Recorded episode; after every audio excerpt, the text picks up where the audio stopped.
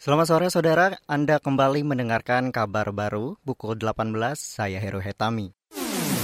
Kabar Pemilu Kabar Pemilu Wakil Presiden Ma'ruf Amin meminta semua pihak tidak menggunakan politik identitas dalam gelaran pemilu 2024. Wapres berharap para elit partai politik sadar dan tidak menggunakan isu yang bisa memecah belah bangsa. Itu disampaikan Wapres dalam acara Hari Santri 2022 di Pondok Pesantren An-Nawawi, Serang, Banten hari ini. Pemerintah tentu melalui berbagai kementerian, lembaga, kemudian partai-partai politik juga jangan mengusung isu-isu yang sifatnya itu politik identitas dan kemudian jangan menimbulkan isu-isu yang bisa memicu konflik di bawah jadi kesadaran elit-elit politik juga pokoknya semua pihak ya itu kita akan lakukan ya dari semua pihak.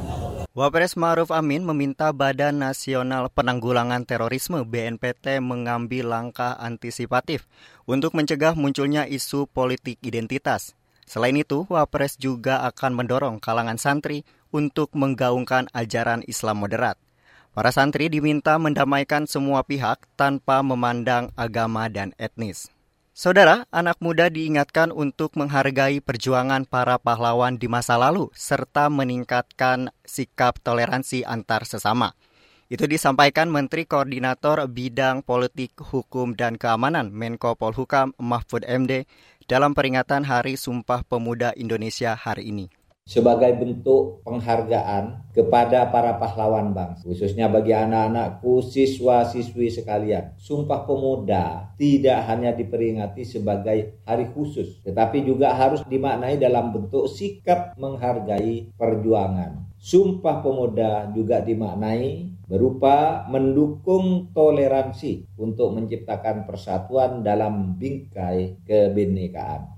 Menko Polhukam Mahfud MD berharap anak muda memiliki jiwa nasionalisme dengan belajar dari perjuangan para pemuda di masa lalu. Tahun ini adalah peringatan ke-94 Sumpah Pemuda, salah satu tonggak sejarah yang membangkitkan kesadaran persatuan dan pergerakan kemerdekaan Indonesia. Kita beralih, saudara, ke informasi mancanegara. Beberapa kota di Cina menerapkan penguncian wilayah atau lockdown imbas melonjaknya kasus COVID-19. Cina melaporkan lebih dari seribu kasus dalam tiga hari berturut-turut.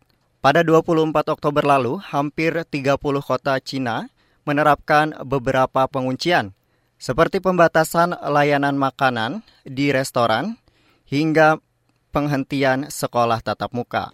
Dilansir dari BBC, lebih dari 800 ribu orang di satu distrik di Wuhan diperintahkan untuk tinggal di rumah hingga 30 Oktober. Kota Zhengzhou, pusat pabrik manufaktur iPhone terbesar di dunia, juga terkena pembatasan. Saudara Cina menganut kebijakan nol COVID yang ketat. Presiden Cina Xi Jinping pada awal bulan ini mengisyaratkan tidak akan ada pelonggaran kebijakan nol COVID. Dia bahkan menyebut kebijakan itu sebagai perang rakyat menghentikan penyebaran virus. Demikian kabar baru dari kantor berita Radio KBR, saya Heru Hetami, salam.